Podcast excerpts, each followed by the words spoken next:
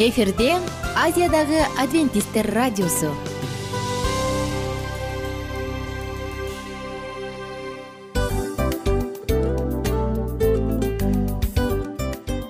Достор салют. Баардык сүйүктүү угармандарыбызга салам айтабыз. Кутман күнүңүздөр менен. Ден соолук өмүрдүн булагы демекчи саламат саамы программасында баарыңыздарды көргөнүбүзгө абдан кубанычтабыз. Анда алгач амандашып өтөлү арбаңыздар деп. Ден соолугуңуздар кандай элибизде көбүнчө ден соолук кандай дегенде эле жакшы деп жооп беребиз э? ооруп турсак дагы жакшы дейбиз. Анан мен муну айтып ойлойт элем бул абдан сонун сөз депчи анткени бул жакшы деген үмүт да э ооба баары жакшы болот. Баары сонун. Деп үмүттөнүп атып эле өзүбүздү өзүбүз дарылап коебуз.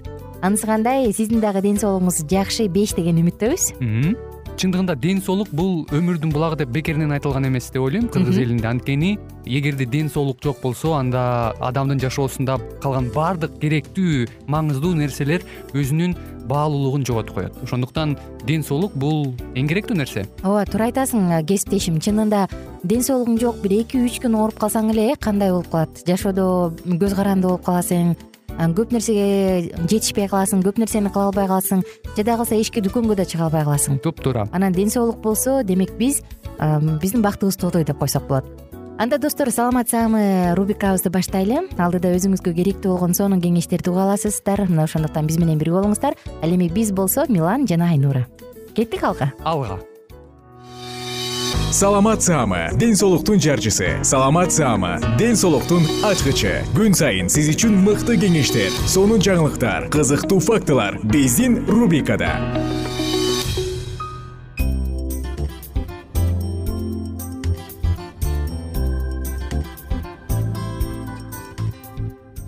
Салам достор. Жалпы биздин сүйүктүү угармандарыбыз менен амандашып кайрадан жагымдуу программабызды баштадык. Саламат саама рубрикасы жана бүгүнкү темабыз тукумсуздук деп аталат. Тукумсуздук эмне үчүн аялдын согончогу канабай калат? Мунун себеби эмнеде болушу мүмкүн? Ар бир аял ар бир аял заты эне болуу бактысын каалайт э? Бул эң чоң бакыт. Биз кыскача бир токтой кетели. Негизи келиндерди тукумсуздукка алып келген алты жагдай жөнүндө айтсам. Бул биринчиси жатындын туура эмес өрчүшү. Шишиктин пайда болушу түтүкчөлөрдүн бүтөлүп калышы түйүлдүк жарата албайт буга жыныстык катнаш аркылуу жуккан инфекциялар дагы себеп болот. Караңызчы. Экинчиден бойдон алдыруу же түшүп калуу. Аялдын боюна бүткөндө организм ошого жараша даярданат түйүлдүк алынгандан кийин дене көп убакыт стресске кабылат. Бойдон алдыруунун өзү кооптуу. Заманбап ыкма кандай гана болбосун ал баары бир кооптуу. Үчүнчүдөн урук клеткаларынын азайышы. Отуз алты жаштагы келин балалуу болбой жатам деп келет экен да ден соолугун текшерип көрсө урук клеткалары түгөнүп калыптыр. Кыз бала төрөлгөндө урук клеткасынын ченелүү саны менен жарыкка келет. Маселен үч миллион болсо ал үй бүлө курганга чейин айыз циклинен жыныстык катнаштан кийин же өзүнөн өзү корой берет. Урук клеткасынын резерви адамдын тукумунан организминен көз каранды чет өлкөдө урук сактоо иштери кеңири жүргүзүлөт. Бизде бир гана клиника мындай менен алектенип келет. Кийинки биологиялык дал келбестик кээде бир нече жылдар бою жашайт дагы бирок баласы жок болуп калат э. Бул биологиялык дал келбестик дагы себеп болушу мүмкүн. Башкача айтканда аялдын организми эркектин уругун кабыл албайт. Ошол эле аял башка күйөөгө чыкса балалуу болуп кетет. Бул оор эмес бул табияттын бергени. Бешинчи себеп вагинизм. Жакында эле жаш кыз мисалы мындай болуп калышы мүмкүн да. Жөн гана жөн эле жашап жүргөнүн айтат да вагинизм оорусуна кабылып калгандар да бар. Вагинизм бул аялдын жыныс кынынын ачылбай калышы. Башкача айтканда дене чочуп калат. Мында гинеколог психолог менен чогуу иштеш керек. Буга көбүнчө төшөк жаатында тажрыйбасы жок жаш жубайлар зордуктоого дуушар болгон кыз келиндер кабылат. Жана кийинкиси эндокриндик тукумсуздук адамдын ички бөлүгү. Мында гормондордун иштеши бузулат. Ага урук клеткаларынын өрчүбөй калышы айыз циклинин бузулушу мээдеги пролактин гормонунун туура эмес иштеп чыгышы себеп. Пролактин гормонунун көп иштелип чыгышы урук клеткаларынын санын азайтат. Биз бир гана аялдар жөнүндө эмес эркектер жөнүндө дагы айтпасак болбос э? Эркектерде дагы албетте мындай себеп бар. Тилекке каршы жылдан жылга эркектердин жыйырма пайызы гана кайрылса азыр азыркы учурда мисалы он беш жыл мурун эркектердин жыйырма пайызы гана кайрылса азыр дартка чалдыккан мырзалардын саны аялдар менен теңме тең келип келет. Караңыздарчы демек балалуу болбой жаткан учур мырзалардан дагы болот. Мунун бирден бир себеби гипогонадизм деген оору. Бул эркектин организминде тестостерондун азайып кетиши. Биологиялык жактан адамды эркек кылган бул гормон эмеспи дал ушул тестостерон гормону.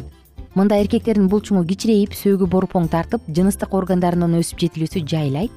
Бул гормон аз болсо эркектин урук безинин иштеши төмөндөп атүгүл эркектер тукумсуз да болуп калышы мүмкүн. Караңызчы негизинен эркектердин уругунун активдүүлүгү алтымыш пайыздан жогору болсо балалуу болуусу оңой. Отуз кырк пайыз болсо орто. Агер андан төмөн болсо анда ал аз болуп саналат экен. Ошондой эле эркектерде инфекциялар бар э гидрацелия криптархизм дегендер бар инфекциялар. Жана простатит бар варикациялык оору бар жыныс мүчөсүнүн жана башка себептер дагы эркектин балалуу болбой тукумсуз болуп калышына алып келет экен. Анда биз андан ары уланталы достор бүгүн сиздер менен бирге эгерде тукумсуздук болуп атса бир кошуу бир барабар үч деген смузинин рецеби менен бөлүшөлү деп турабыз. Негизи адам жашоосунда анын айлана чөйрөсү инфекциялык репродуктивдүү система булардын баардыгы тең туура эмес тамактануу булардын баардыгы тең тукумсуздукка алып келүүчү жагдайлар экенин айталы. Селен бул олигоэлемент ал антиоксиданттык белоктордун тобуна кирген маанилүү ролду ойнойт. Эркектерде сперматозоидтердин жетилишинде жана кыймылында дал ушул селен маанилүү ролду ойнойт. Жана албетте аял затында дагы эмбрион плод түйүлдүктүн өөрчүп жетилишинде дал ушул нерсе маанилүү ролду ойнойт.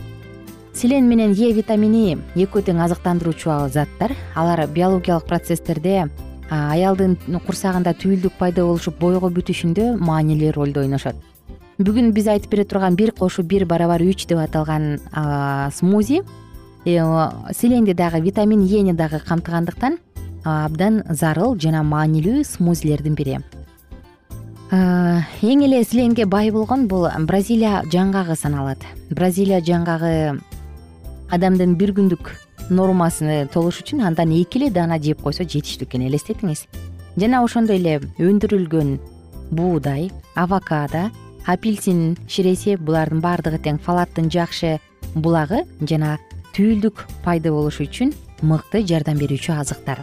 Ингредиенттер менен бөлүшөлү эми кандай азыктар керек сизге? Один бир кошуу бир барабар үч деп аталган смузи үчүн сизге эмне керек? Жарым авокадо алты бразилия жаңгагы. Аны грек жаңгагы менен дагы алмаштырып койсоңуз болот. Жарым чашка апельсин ширеси эки аш кашык өндүрүлгөн буудай эки аш кашык лимон ширеси керек. Эми алгач бразилия жаңгагын же грек жаңгагын майдалап алыңыз дагы андан соң аны блендерге салып апельсин ширесине кошуп баардык ингредиенттерди кошуп бирдей масса пайда болгончо аралаштырыңыз. Болду. Сонун даамдуу смузи даяр дагы бир жолу керектүү азыктарды айта кетейин жарым авокадо алты бразилия жаңгагы же грек жаңгагы менен алмаштырсаңыз болот. Жарым чашка апельсин ширеси эки аш кашык өндүрүлгөн буудай эки аш кашык кашык лимон ширеси. Жаңгакты алгач апельсин ширесинен кошуп майдалап алыңыз дагы баардык ингредиенттерди блендерге салып бирдей масса пайда болгончо майдалаңыз. Болду достор бала бул үйдүн кубанычы бала балалуу үй базар деп бекер айтылбаса керек. Ушундай кичинекей жөжөлөрдү сиздин дагы үй бүлөңүзгө каалайбыз. Бактылуу болуңуздар бай болуңуздар жана көп жашаңыздар. Мен болсо сиздер менен коштошом. Кийинки уктурууда дагы сонун темаларыбызды бирге улантабыз. Ага чейин үн алышканча сак саламатта туруңуздар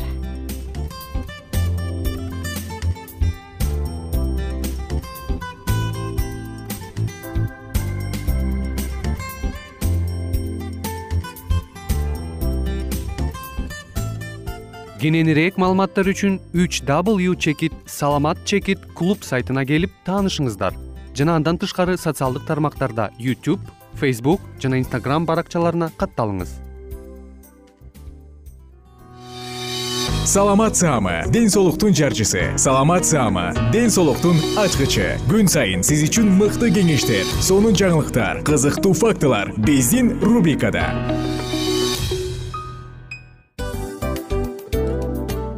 салам достор. Кайрадан биздин сүйүктүү рубрикабызга кош келиңиздер деп айтмакчыбыз.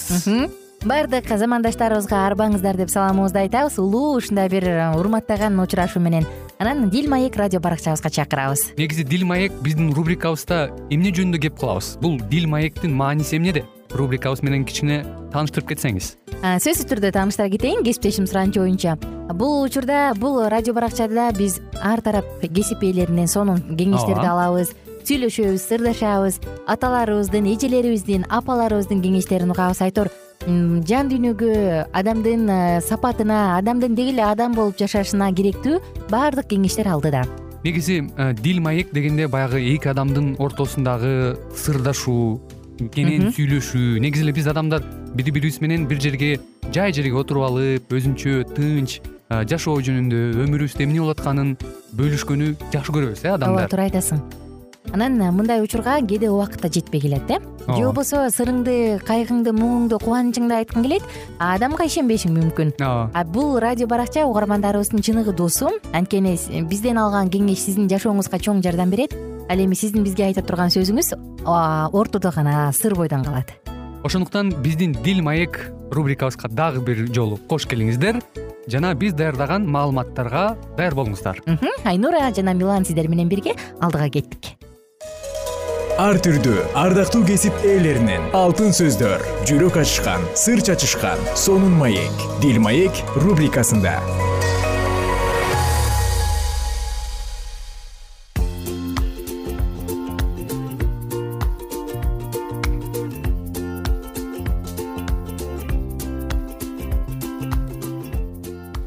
салам достор. Кутман кечиңиздер менен кадырлуу замандаштар. Баардык сүйүктүү угармандарыбызга ысык салам айтып кайрадан сиздер менен бирге дил маек уктуруусундабыз. Бүгүнкү тема сарипаттык жесир аял жөнүндө. Сарипаттык жесир ишеним сыноосун кайраттуулук менен көтөргөн аял. Аял жубай жана эне деп аталган циклды улантып атабыз достор. Мурунку уктурууда биз жесир аял ал ал учурда таптакыр жаан жебей кургакчылдык болуп эл ачка калганын айтканбыз анан күйөөсү өлүп калган жесир аял кичинекей унун анан майы менен тамак жасап аны жеп анан балам экөөбүз өлөбүз деп өлүмдү күткөнгө даярданып аткан. Ага кудайдын адамы ильяс жолугуп атат. Анан ал айтат мага суу бер дейт суу берет. Нан бышырып келип бер. Өлбөйсүңөр коркпогула дейт. Элестетиңиз ал мындай сөздөрдү айтып атат теңир жемге жерге жамгыр жаадырган күнгө чейин үкөктөгү ун түгөнбөйт кумурадагы май бөксөрбөйт дейт. Таң каларлык сөздөрдү айтып атат. Сарипаттык аял эмне кылат эми? Эми андан ары сөз кылалы. Бул бутпарас аял өзү билбеген кудайга ишениш керек. Ага бейтааныш эле адам адамга өзүн ишенип тапшырууга туура келди. Ал чын эле өзүн ишенип тапшырса боло турган кудайдын адамыбы? Бирок пайгамбар ынанымдуу сүйлөгөндүктөн аял акыры анын өтүнүчүн аткарууга макул болду. Ал пайгамбарга нан бышыргандан кийин караса баласы экөөнө жете тургандай ун менен май чын эле артып калыптыр. Эртеси да андан кийинки күндөрү да ушундай болду. Биринчи жолу чөлдө ысрайылдыктар башынан кечирген нерсени жесир аял башынан кечирип жатты. Тамак аш менен жетише элек камсыз болуп туруш үчүн ага кудай өзү кам көрдү. Ошондой болсо да анын ишеними сыналды. Бышырган тамагы бир жолу тамактанууга гана жеткендиктен тамак ашты запас кылып алуу жөнүндө сөз да болушу мүмкүн эмес эле.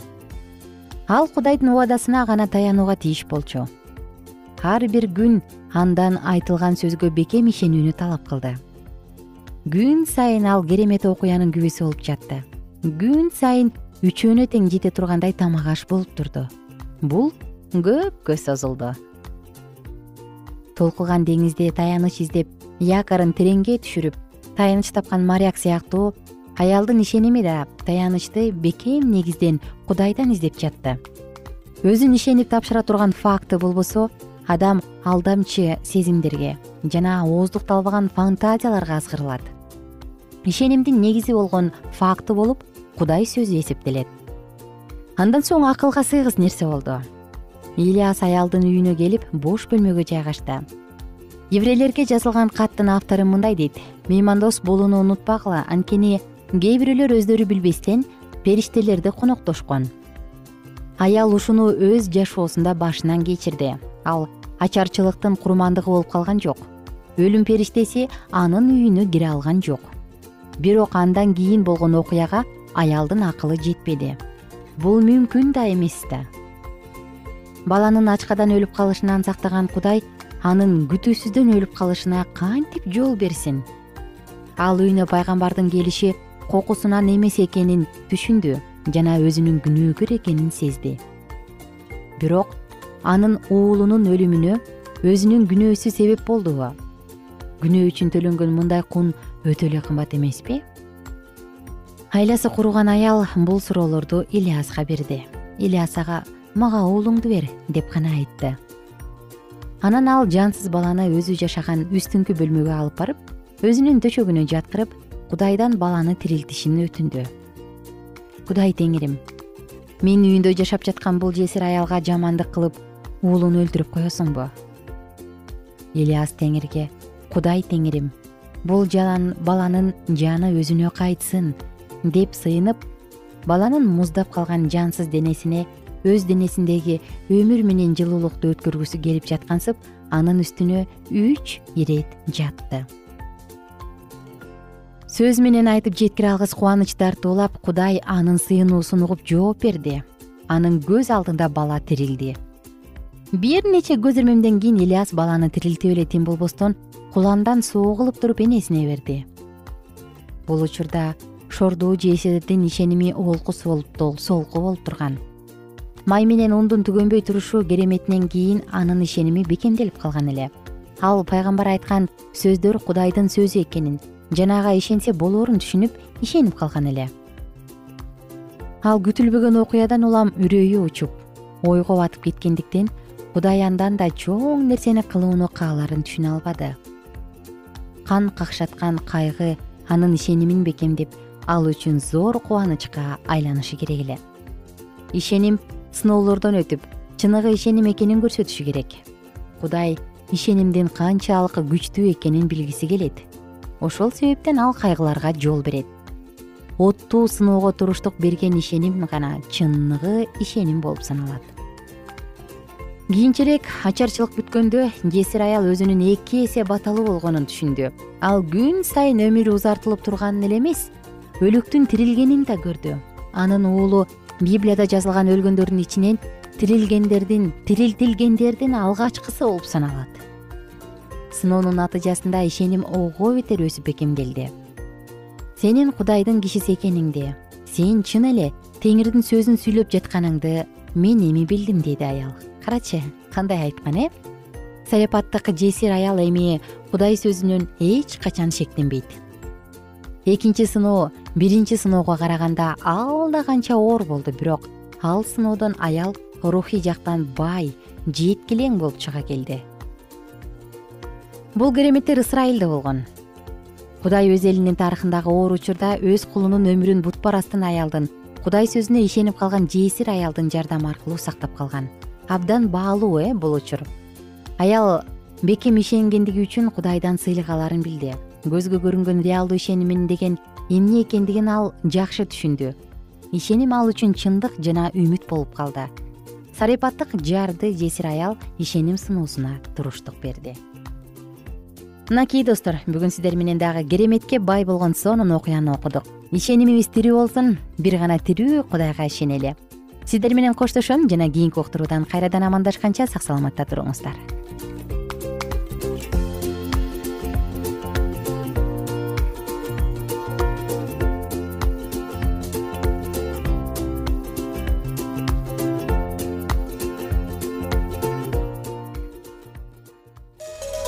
ар түрдүү ардактуу кесип ээлеринен. Алтын сөздөр жүрөк ачышкан сыр чачышкан сонун маек. Бил маек рубрикасында.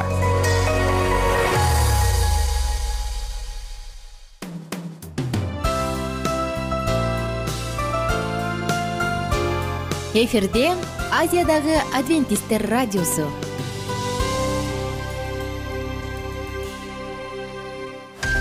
жан дүйнөңдү байыткан жүрөгүңдү азыктанткан жашооңо маңыз тартуулаган жан азык рубрикасы.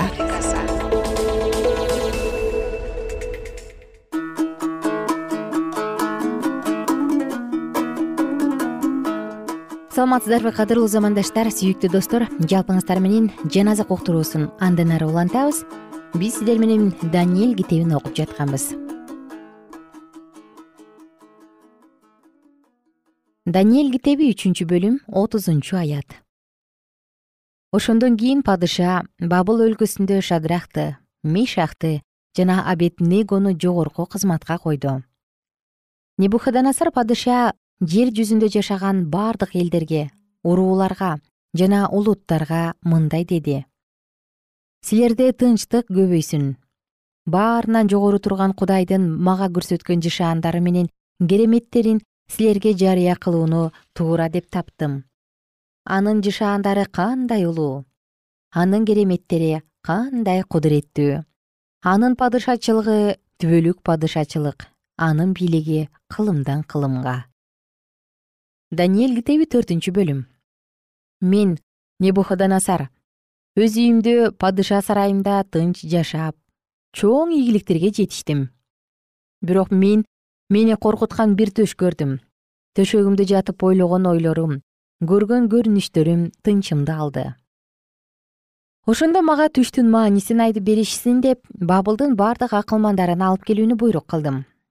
Ошондо жашыруун сырларды билүүчүлөр сыйкырчылар каздимдер жана төлгөчүлөр келишти. Мен аларга түшүмдү айтып бердим. Бирок алар мага анын маанисин түшүндүрүп бере алышкан жок акырында мага кудайымдын атынан белшетасар деген ат коюлган. Ичинде кудайдын ыйык руху бар даниэль келди. Мен ага түшүмдү айтып бердим. Белтешатсар акылмандардын башчысы сенде ыйык кудайдын руху бар экенин эч кандай жашыруун сыр сен үчүн кыйын эмес экенин билем. Мага көргөн түшүмдү жана анын маанисин айтып бер. Төшөгүмдө жатканда көргөн көрүнүштөр мындай эле түшүмдө жер ортосунда өтө бийик бир дарак турганын көрдүм. Ал дарак чоң жана бекем эле. Анын бийиктиги асманга жетип бүт жер жүзүнүн учу кыйырына чейин көрүнүп турду. Анын жалбырактары кооз жемиши мол эле. Анда бардыгы үчүн азык бар эле.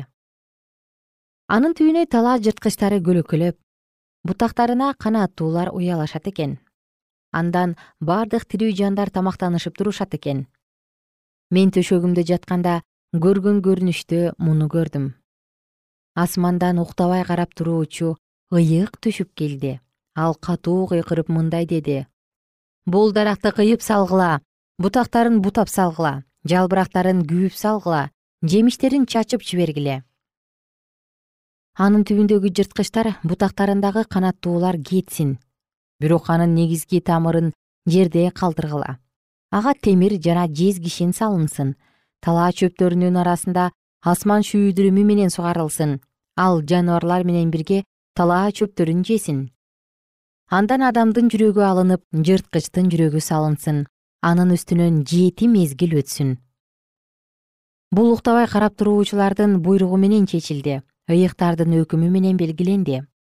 Ошондуктан жер жүзүндө жашагандардын баары адамзат падышачылыктарынын үстүнөн баарынан турган жогорку бийлик кылаарын падышачылыкты өзү кимге кааласа ошого берерин жана ага кемсинтилген адамды коерун билишсин. Мен небухаданасар падыша ушундай түш көрдүм. Ал эми сен белдешатсар анын маанисин түшүндүрүп бер. Анткени менин падышачылыгымдагы акылмандардын ичинен эч ким анын маанисин түшүндүрүп бере алган жок. Бирок сен түшүндүрүп бере аласың анткени сенде ыйык кудайдын руху бар. Ошондо белдешатсар дегенде ысымы бар даниэль бир саатка жакын таң калып турду. Ойлору тынчын падышага белдешатсар. Бул түш жана анын мааниси сенин тынчыңды албасын деди. Белтешесар мындай деп жооп берди. Мырзам бул түш сени жек көргөндөрдүн түшүнө кирсе гана мунун мааниси душмандарыңа болсо гана сен көргөн чоң жана бекем бийиктиги асманга жеткен жердин учу кыйрына көрүнүп турган. Жалбырактары кооз жемиши мол бардык үчүн азыгы бар түбүндө талаа жырткычтары жашаган. Бутактарында асман канаттуулары уялаган дарак бул атак даңкка ээ болгон. Күч кубаттуу атак даңкың алыска кетип асманга чейин жеткен бийлигиң жердин учуруна кыйын жеткен падыша сенсиң ал эми падышанын асмандан түшүп келе жаткан уктабай карап туруучуну ыйыкты көрүп анын даракты кыйып салгыла аны жок кылгыла анын жердеги негизги тамырын гана калтыргыла. Ага темир жана жез кишен салынсын талаа чөптөрүнүн арасында асман шүйдүрүмү менен сугарылсын. Анын үстүнөн белгиленген жети мезгил өткөнчө ал талаа жырткычтары менен болсун деп айтканын укканы падыша анын мааниси бардыгынан жогору тургандын мырзам падышага чыгарган өкүмү мындай. Сен сени адамдардан бөлүп салышат. Сен талаа жырткычтары менен жашайсың. Сени өгүзгө окшотуп чөп менен багышат. Асман шүйдүрүмү менен сугарыласың. Адамзат падышачылыгына бардыгынан жогору турган бийлик кыларын жана аны кимге кааласа ошого берерин сен түшүнгөнчө сенин үстүңөн жети мезгил өтөт. Ал эми дарактын негизги тамырын калтырууга буйрук берилгени муну билдирет сен асман бийлигин таанып билгенден кийин падышачылыгың өзүңдө калат. Ошондуктан падыша сага берген кеңешимди кабыл ал. Күнөөлөрүңдү адилеттүүлүк менен кылуу менен мыйзамсыздыгыңды кембагалдарга боорукердик кылуу менен жуу. Ошондо сенин тынчтыгың уланат. Ушунун бардыгы небуходоносор падышанын башына келди. Он эки ай өткөндөн кийин бабылдагы падыша сарайында ары бери басып жүргөн падыша мындай деди падыша шаары болсун деп даңкым үчүн өз кудуретим менен курган улуу бабыл ушул эмеспи. Падыша бул сөздү айтып бүтө электе эле асмандан үн угулду. Сага айтылып жатат небухдоносор падыша сенден падышачылык бийлик алынды. Сени адамдардан бөлүп салышат талаа жырткычтары менен жашайсың сени өгүзгө окшотуп чөп менен багышат. Адамзат падышачылыгына бардыгынан жогору турган бийлик кыларын анын кимге кааласа ошого берерин сен түшүнгөнчө сенин үстүңөн жети мезгил өтөт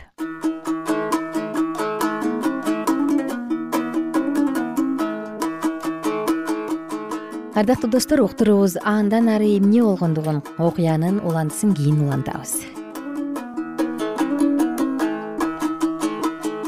Эгер сиздерде суроолор болсо же көбүрөөк маалымат билем десеңиз анда биздин whatsapp номерибизге жазыңыз плюс бир үч жүз бир жети жүз алтымыш алтымыш жетимиш. Кайрадан плюс бир үч жүз бир жети жүз алтымыш алтымыш жетимиш.